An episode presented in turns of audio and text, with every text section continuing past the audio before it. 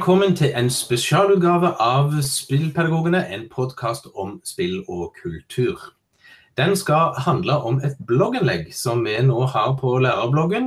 Og eh, den handler om podkasten vår, og dermed en spesialutgave om podkasten i bloggen. Eller noe. Litt meta, og det digger vi. Ikke sant? Alt som er meta, er bra. Ja. Og med oss i dag så har vi eh, Tobias. Hei, hei. Alexander Hei sann. og Halvor. Hei, hei. Og meg, Odin. Og så mangler vi Magnus og Ragnhild. Men det tror jeg de overlever i dag. De står godt omtalt i bloggen. Og det første vi må begynne med, det er egentlig overskriften. Tobias, det er din, tror jeg. Ja, det er kanskje det. Eh, overskriften er jo 'spillbasert læring', og så strøket ut. Og så eh, står det 'læringsbasert spilling' i stedet. Så mye vel eh, egentlig sånn nesten eh, Iallfall du har kommentert at eh, ja, det bør vi egentlig kalle det for noe, noe av. Ja, altså, Mm. uh, altså Det å sette et begrep på det vi egentlig holder på med, det er jo noe som vi har uh, slitt med siden vi begynte også å jobbe med spill. For dette er jo ikke altså, Vi var jo aldri uh, komfortable med spillbasert læring, egentlig.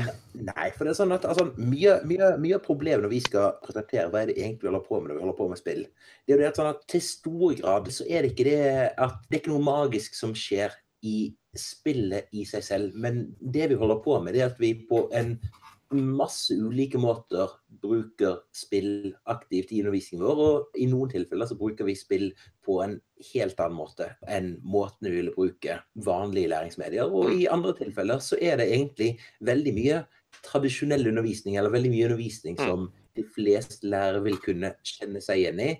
Bare det at det er spillmediet som er en ekstra komponent inni her. Så at Ja. når man snakker om spillbasert læring eller game-based learning eller gamification, så, altså, så har jeg aldri helt følt at det har truffet. Men det at vi eh, driver med læring gjennom spill, altså, altså læring hvor spill er en komponent, altså Mm. læringsbasert spilling, at det, altså, jeg tror vi nærmer oss et begrep som, uh, som kan vise.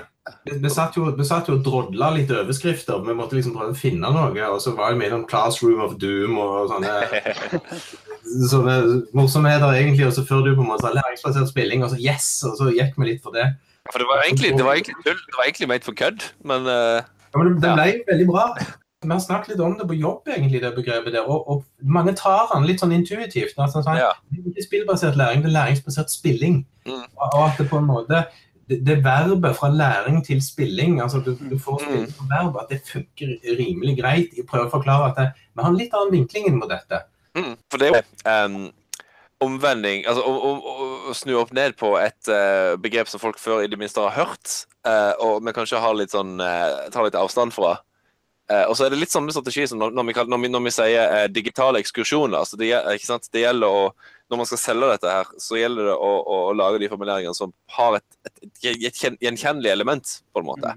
Det, så, så det er jo på en måte litt denne innledningen, og det, det, det føres jo egentlig det som er, ble litt sånn innledningen, og som jo er en sånn liten sånn biting der vi bruker ordet gamification, og, og som jo klarer å hisse meg rimelig opp i forhold til sånn, Jeg hater begrepet, men, men vi har jo brukt det i den forstand og ikke vært negative til det i denne settingen, fordi det, det, det er jo det mange har hørt.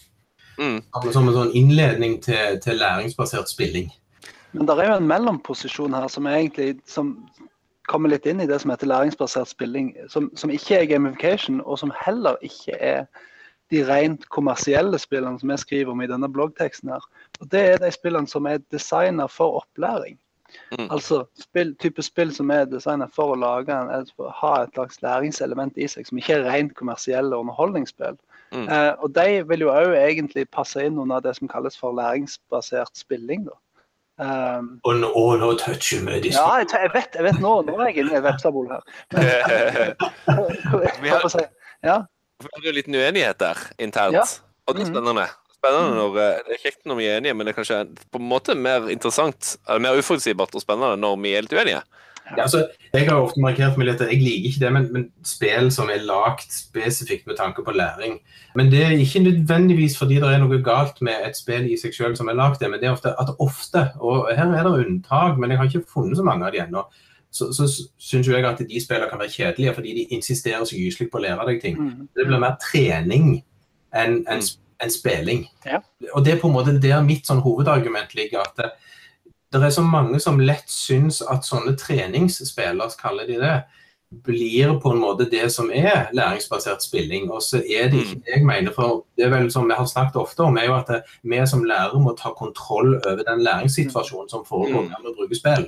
Mm. Ja. Og, og da er det jo egentlig, og der, den er jeg enig med deg, Halvor, at det, da er det jo akkurat det samme hva spill vi bruker. Om, det er lær, om det er et spill Mm. lagd for læring, eller om det er et spill lagd for kommersiell eller for underholdning, så er det egentlig det samme så lenge vi har kontrollen. Mm. sånn som jeg ser det, sånn, med disse spillene som er designet for læring sånn, Når vi snakker om, snakker om spill og læring, så snakker vi jo om spill og læring ofte i en formell skolesammenheng. Altså, det er jo det som angår oss i det daglige som lærere. sant? Og Mm.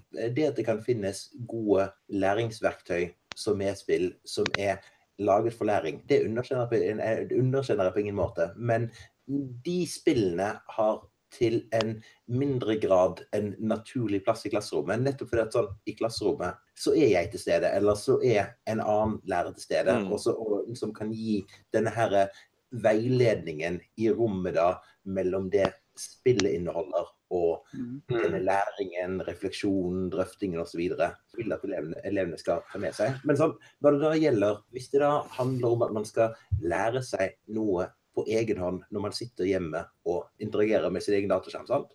kjempefint med spill som er designet for det. Men i de aller fleste tilfeller så liker i hvert fall jeg å tro at den input som jeg kan gi, det er bedre, viktigere, nyttigere enn Mm. den input som en spilldesigner har definert forhånd at elevene mine trenger. Og dermed da, når, når jeg er i klasserommet mitt og skal bruke spill, så, altså, så vil jeg ha så mye rom som mulig til å gjøre de tilpasningene Mm. som mine elever trenger. Mm. Der er, der er jo en, en, noen som pusher akkurat det der, eller ikke pusher akkurat, men som er veldig tilhenger av det aspektet der, at, at noen spill eh, holder det at du spiller, og så vil du oppdage og lære nye ting som er liksom relatert til det. Jeg tror um, Jeans Portner bak Ed Extra Credits eh, og et annet, andre, ting, annet, ting, han kaller det for tangential learning, eller skal, ta, tangerende læring, kan vi kalle det det? Altså Ideen om at spillet eksponerer deg for et eller annet innhold som du da blir nysgjerrig på og har lyst til å lære mer om. Mm. Um, Mm. og igjen, jeg, Det er flott når det skjer, og det tror jeg at det skjer. Jeg tror for eksempel, Vi har jo alle hørt om folk som av dere sikkert selv blitt mer interessert i historie eksempel, og har spilt et eller annet Civilization eller et eller annet sånn historieinspirert spill. Men det er ingen garanti for at det skjer. Nei. Nei. Og Det er derfor det er litt farlig å selge det som om at det garantert skjer. Mm. Jo, men altså, det, det ligger jo litt i det som jo for så vidt jeg har hatt som en sånn der teori om at et godt spill det lærer deg det du har tenkt å lære deg før du slutter å spille det. Og Hvis du som lærer ikke tar noe kontroll over situasjonen i klasserommet, så lærer ikke spillet deg noe annet enn å spille spillet. Mm. For Det er for så vidt hensikten til de som har lagt spillet. De skal holde konsentrasjonen din så lenge som mulig, sånn at du spiller spillet deres til slutt. Da de lykkes i, i å lage et per definisjon godt spill. Men det er ikke dermed sagt det er hensiktsmessig i en læringssituasjon i skolen. av den grunnen. Og det, og det finnes hederlige unntak av spill som eksponerer deg, som lærer deg noe som, har en, som er veldig enkelt å overføre. Ta f.eks. Uh, Human Resource Machine eller Kerbal Space Program. Det de handler om, ligger såpass nært altså vil gjerne ligge såpass nært opp til virkeligheten i hermetegn at uh, det ikke skal så mye til å liksom krysse det virkelighetsgapet. Mm. Uh, men de spillene er jo absolutt uh, unntaket snarere, snarere enn regelen. Ja, Og, men nå, kjære lytter, har det egentlig skjedd noe som skjer på hver podkast, og som er litt det stilige som skjer. Det er jo det at vi tar en ball, og så spiller vi oss ikke ut på viddene, men vi spiller lenge med den. Så vi har nesten ikke kommet mer enn en innledningstekst i forhold som du nå allerede har lest ferdig mens du har hørt på at vi har, har snakket. Så neste punkt er jo egentlig litt hvem vi er oppi dette. Og nå har du hørt fire av oss snakke, men bare som en kommentar for Alexander og Tobias, dere er vel de to originale sånn til spillpedagogene som, som har liksom mål og hensikt i jobben for dere, som faktisk gjør det vi gjør her. Vi er i alle fall de som har, eh, som har dette her som en offisiell jobbtittel. eh, Ja, ja. Men neste år her er vel, uh, er vel Magnus? Ja, OK. Ja. Så, så får jeg har liksom sett at iallfall i hvert fall meg og Tobias, vi har jo blitt hektende på den gjengen mer eller mindre med tilfeldigheter. Du og Tobias? Nei, hvor? Nei, nei, meg, meg og Ha- Halvor. Mm. Ja da. Eh, Vi vi er på ingen måte bitre over at dere har dette i jobbtittelen deres. Så.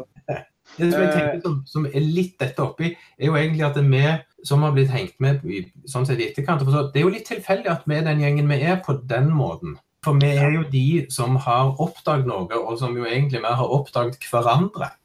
Og klarer vi i løpet av ett minutt hver å si liksom, når var det hver enkelt av oss klarte å oppdage at spill var noe kjekt vi holdt på med i undervisning. Er Tar du utfordringen, Aleksander? Førstemann. Ett minutt. Ett Eh, minutt maks. Greit. Uh, ja, noe eh, Dette blir vanskelig.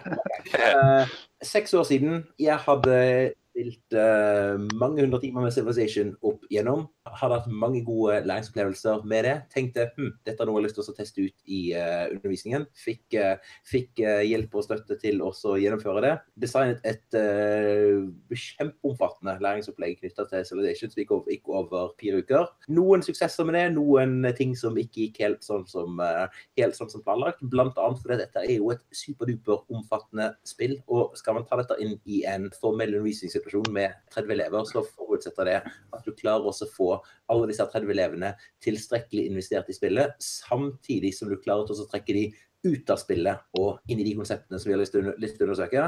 For noen funker det fint, for andre så funker det, funker det dårligere. Men det jeg i alle fall oppdaget ut ifra denne første erfaringen min med å bruke spill i undervisningen, det er at de opplevelsene som elevene har når læring med spill funker på det beste, de er klebrige. Det er opplevelser som de sitter igjen med. Og når det er opplevelser de sitter igjen med, så er det forhåpentligvis også kunnskap og kompetanse og erfaringer som de sitter igjen med. Sånn at det jeg oppdaget, og det som, det som kanskje det som, uh, som uh, presset meg på videre til å jobbe videre med dette, var det, var det jeg så at denne her type aktivitet var en måte å gi elevene et nærere forhold til fagstoffet på, og også et forhold til fagstoffet hvor de faktisk husket fagstoffet to måneder eller seks måneder eller to år senere. Det var over et minutt.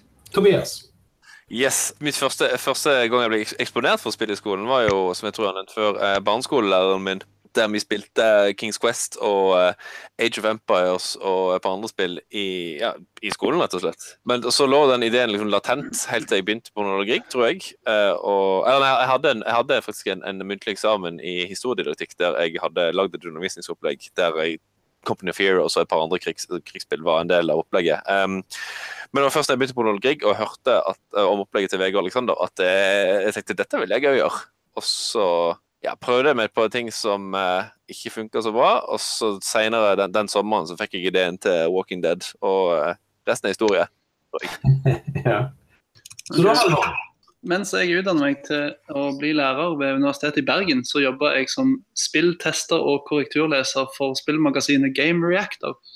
Eh, og I tillegg så jobber jeg som frilansoversetter for spillbransjen, bl.a. for Electronic Arts, hvis det er lov å si det navnet høyt. Um, De lager spill. de lager spill. Og så, um, eh, og så var jeg interessert, jeg har alltid vært interessert i spill, og så leste jeg bl.a. bloggen din, Odin, om, eh, om Stanley Parable. Og da jeg eh, holdt på med nordisk studier på Universitetet i Stavanger, så testa jeg ut dette samtidig som jeg jobba på, på, på skolen min. da. Og skrev en del oppgaver om, om nettopp spill og kritisk literacy, annet. Så jeg har på sett og vis kommet inn i det. Jeg skylder egentlig- alt på, på, Twitter, sett, hvis det er en god oppsummering av hele greia. Ja. Ja. Ja. Og for egen del så, så har jeg jo liksom oppdaget at jeg er jo den gamle i gruppa.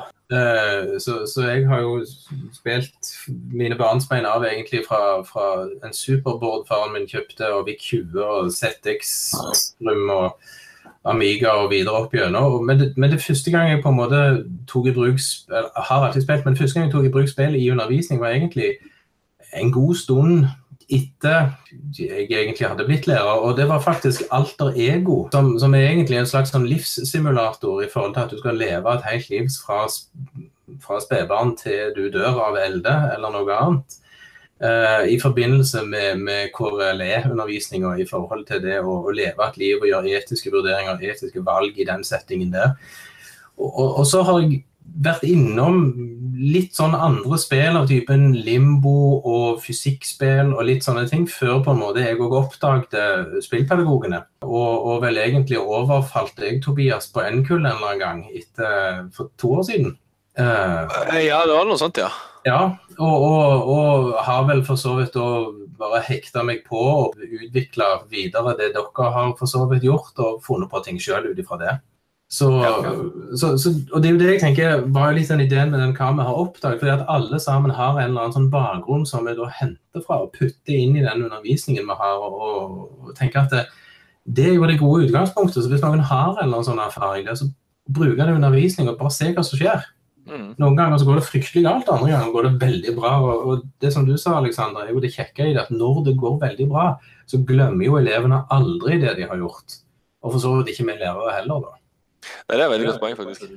Og, og, Det er jo for så vidt det som leder oss til det neste punktet, som er jo ditt hjertebarn sånn offisielt nå, Tobias. Som, som er jo på en måte å samle alle disse erfaringene vi har, inn i en spilldidaktikk. Ja, det har jo vært, det har vært gjort erfaringer med spill i skolen før. Eh, liksom både læringsspill og andre type ting. Og ofte så blir jo det, Som regel så blir jo ikke disse erfaringene liksom dokumentert på noe som helst vis. Uh, samtidig så er det jo nærmest garantert at interessen for spill i skolen vil bli større og større etter hvert som vi får flere og flere lærere som har vokst opp med spill sjøl. Eh, og da er det jo liksom litt greit at de kan komme på til et delvis dekka bord, i alle fall. Så, og, også, men så det jo så på litt, litt, for min del, og der tror jeg dere er ganske enige, litt for å, å, å, lage en litt sånn mot, motvirke kraft til den, den liksom voldsomme, eh, litt for heftige entusiasmen som kan oppstå av og til. At mm. liksom spill er liksom uh, løsningen på alt, og læringen med spill er liksom perfect, og det skal løse alle Utdannings-Norge sine problemer. Um, det er nyttig å være litt sånn pragmatisk og ha bakkekontakt og tenke ja, det er først og fremst et undervisningsverktøy. Og mm. læreren er fortsatt viktig. Det er noen som faktisk eh, har ytra at uh, gode læringsspill kan nærmest erstatte læreren, fordi at de vil tilpasse deg og dine, seg deg og dine behov og uh, peile inn akkurat det du ikke kan. Og ja, kanskje om ikke, 50 år, 100 år, når har, AI har blitt mye bedre. men enn så lenge så trenger vi lærere, heldigvis. Ja, og, og, og, det er jo det for så vidt jeg liker med den jobben som for så vidt vi alle har på en måte putla og erfart med, og som jo du nå jobber med, med, med doktorarbeidet ditt nå i startfasen. I forhold til det teorigrunnlaget som det står jo litt om her. at Det jeg liker med det, er på en måte at det, det har en felles forankring som ikke nødvendigvis handler om spill. Mm. Nei, og, og, for at det skal få legitimitet, så må det innfelles i en, den videre pedagogiske og didaktiske tradisjonen. Både altså pedagogikk generelt, men òg eh, de enkelte fagdidaktiske tradisjonene. Eh, for det er først da at det blir liksom en naturlig del av lærerens repertoar, mm -hmm. tenker jeg. Ja. For, for det, hvis vi det er en, en annen sånn kjepphest jeg har, er det at jeg, jeg er litt sånn fed up med at spill alltid, nesten uansett sammenheng, blir behandla som noe annet. Eh, ja. Det, eh, altså det er litt sånn, Spill og spillere er litt sånn annerledes. Vi ikke bare snakker om eller behandler på samme måte som vel, hvilket som helst annet medium eller kultur. Jo, jo og, og bare for å ta et lite sånn sidespor der, noe som, som dukket opp i kommentarfeltene når vi plukket litt på blogginnlegget, så, så, så er jo det noe at det, som jeg ofte, eller ikke ofte, av og til slenger ut, at uh, norsklærere, som flere av dere er, uh, har, kan få en sånn tendens til å se på spill som en type litteratur som ikke er ukorrekt i enkelte sammenhenger, men i andre sammenhenger på en måte begrenser hva et spill kan være. Mm. Og jeg, jeg, har jo en sånn halv glede om at vi en eller annen gang skal diskutere ergodisk litteratur som, som begrep i forhold til om, om, om spill er det. Og det var vel det du slengte ut, Halvor, var det ikke det? Jo, definitivt. Det er jo det som er Ja, ja det, det, blir interessant. Vi kan nok eh, tjene på å være litt mer uenige under podkasten sånn sett. Og der, der har vi kanskje noe. For der er jeg veldig opptatt av at, eh, at spill har Det som gjør spill spesielt, da er at de, at de krever en, en, helt annen type investering da, eh, fra den som spiller. Og Det er det jeg leser inn i ergodisk litteratur som kjernen i det. Men det, det er jo det, det, er, det, er, en lengre diskusjon enn det her, tror jeg. Jo, selvfølgelig, men, men det, er som, det, er det, som, er litt gøy. at Vi må nok sette av omtrent en episode til, til, til kanskje å ta den litt sånn runden og, og utfordre hverandre og for så vidt lyttere til eh, hva, hva, skal vi se på spill som. Og kan se litt ulike vinkler på det. og jo som for så vidt det blir veldig spennende å lese Tobias sin doktoravhandling når den en gang foreligger om halvannet år, eller noe sånt. Ikke legg presset på meg på noen, noe vis. Ja, ja, jeg regner med du skal produsere litt i uh, uh, litt i løpet av disse årene også, sånn at vi får noen smakebiter underveis. Mulig. Ja, Det blir jo artikkelbasert, så det kommer jo til sånne små drypp uh, ja, jevnt og trutt, forhåpentligvis. Og, og, så glir jo for så vidt bloggen fra teoridelen over i, i denne jeg vet ikke om jeg skal kalle det, eller praksisdelen. Der vi jo for så vidt har et sånn ofte valgte perspektiv at dette er litt sånn våre erfaringer. Og at selvfølgelig hver enkelt har litt egne erfaringer om hvordan spillet er. Om de passer nødvendigvis inn i disse fire perspektivene. Det må nesten folk se sjøl, men det er vel for så vidt der vi har sett at vi kan hente ut noe. Mm. Som, som en sånn idé så hvis du har et spill, så kan du på en måte tenke gjennom de fire og se om, om passer det spillet inn i disse fire måtene å se det på, alt etter hvordan du har lyst til å bruke det. Du mm. kunne hente litt ut ifra det, eller om du kan finne på en femte helt ny, vanvittig bra ting som vi ikke har tenkt på ennå. Mm. Jeg lurer på om spill er, kan være mer allsidige enn de mediene vi vanligvis bruker i skolen. Jeg har mistanke om at de, har, at de er det. Ja, min grunnidé er jo det, og det er derfor jeg ofte rygger litt når vi trekker inn begrep vi kjenner fra før, inn på mm. spill. Fordi ja. at vi, vi, vi, kan gå glipp av noe. Mm. Ja, og det er jo det som er Jeg tror alle, alle litt, av, i fall litt av alle sin motivasjon med å prøve å sementere dette her med nye spilldidaktikkbegrepet, er, altså er liksom mistanken om at dette vil kreve en ny form for didaktikk som mm. på et eller annet vis blir litt sånn fagovergripende. Mm. Uh, nettopp fordi at, at um, det er ikke det samme å sette på en film som det å spille Walking Dead, f.eks. Ja, det altså nå, nå, nå, nå, kjenner jeg på at jeg brygger på litt uenighet. Uh, Kjempebra. Kjør på.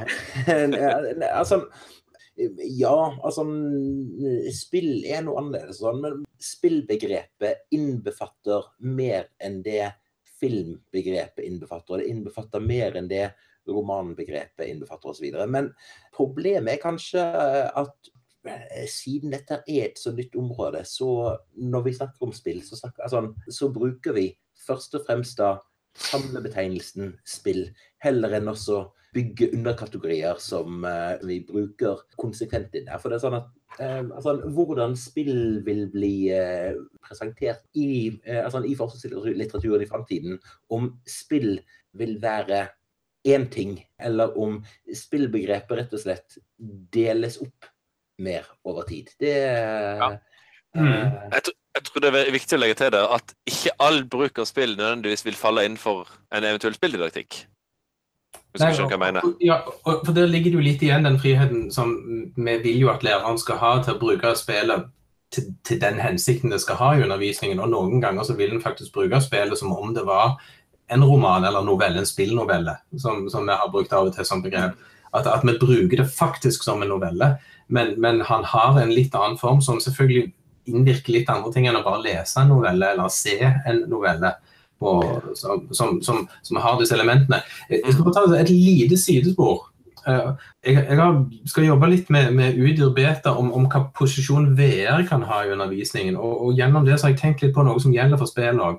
Og Det er jo det på en måte som, som er at teknologi i denne forstand, f.eks. For et dataspill, inneholder momenter som ikke passer inn i de formene som vi vanligvis er vant til å tenke skolen i, eller undervisning i.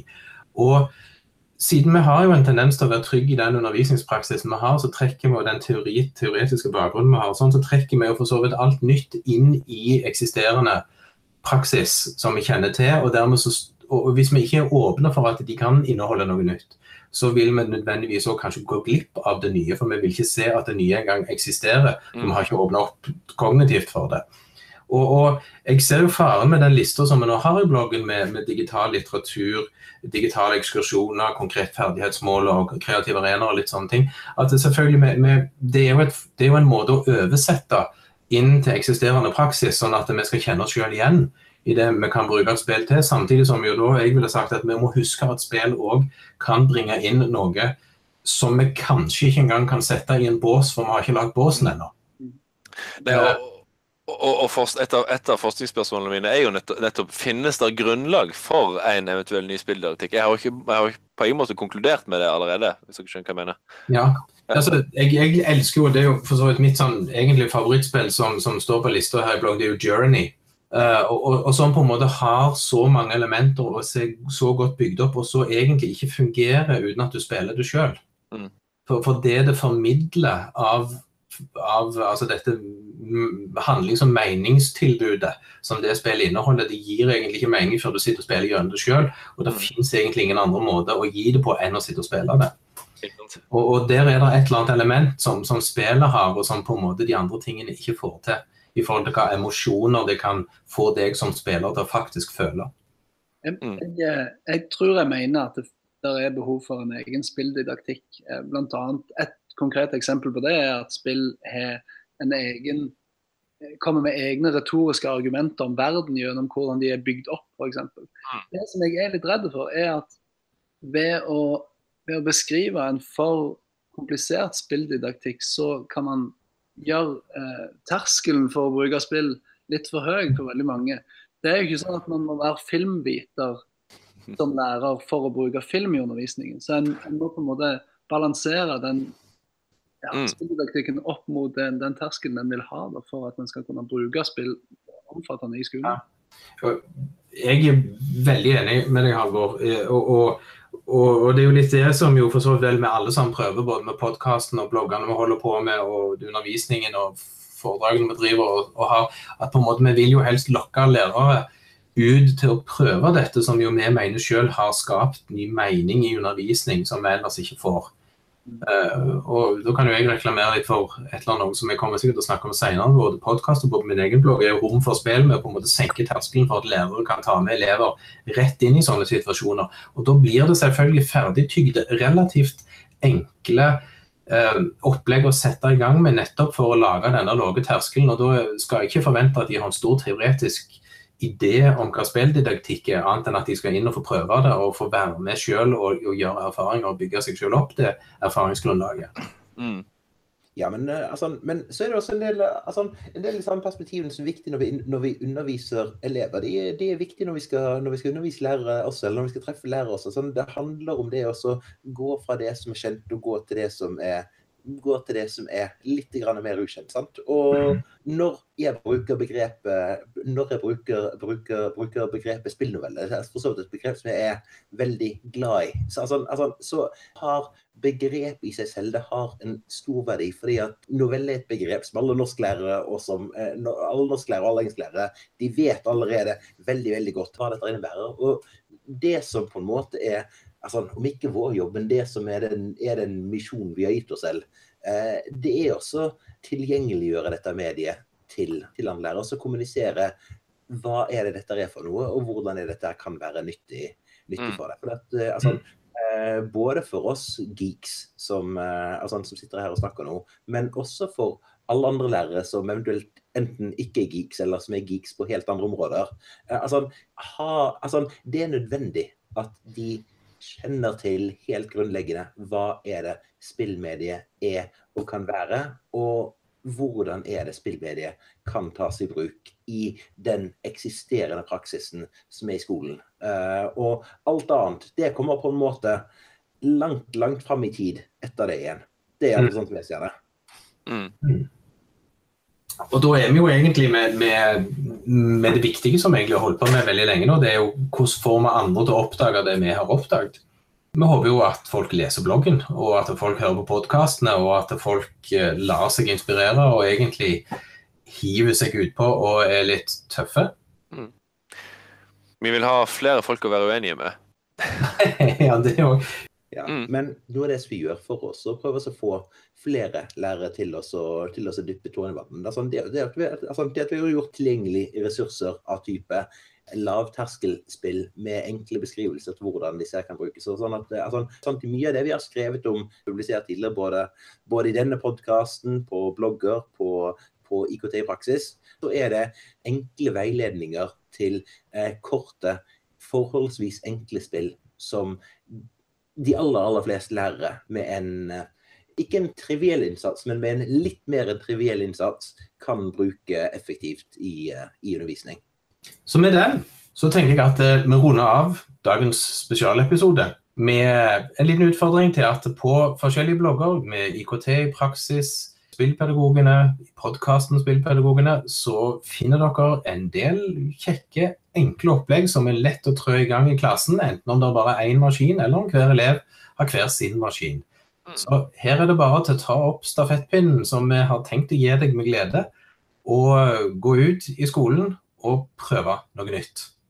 Lykke til!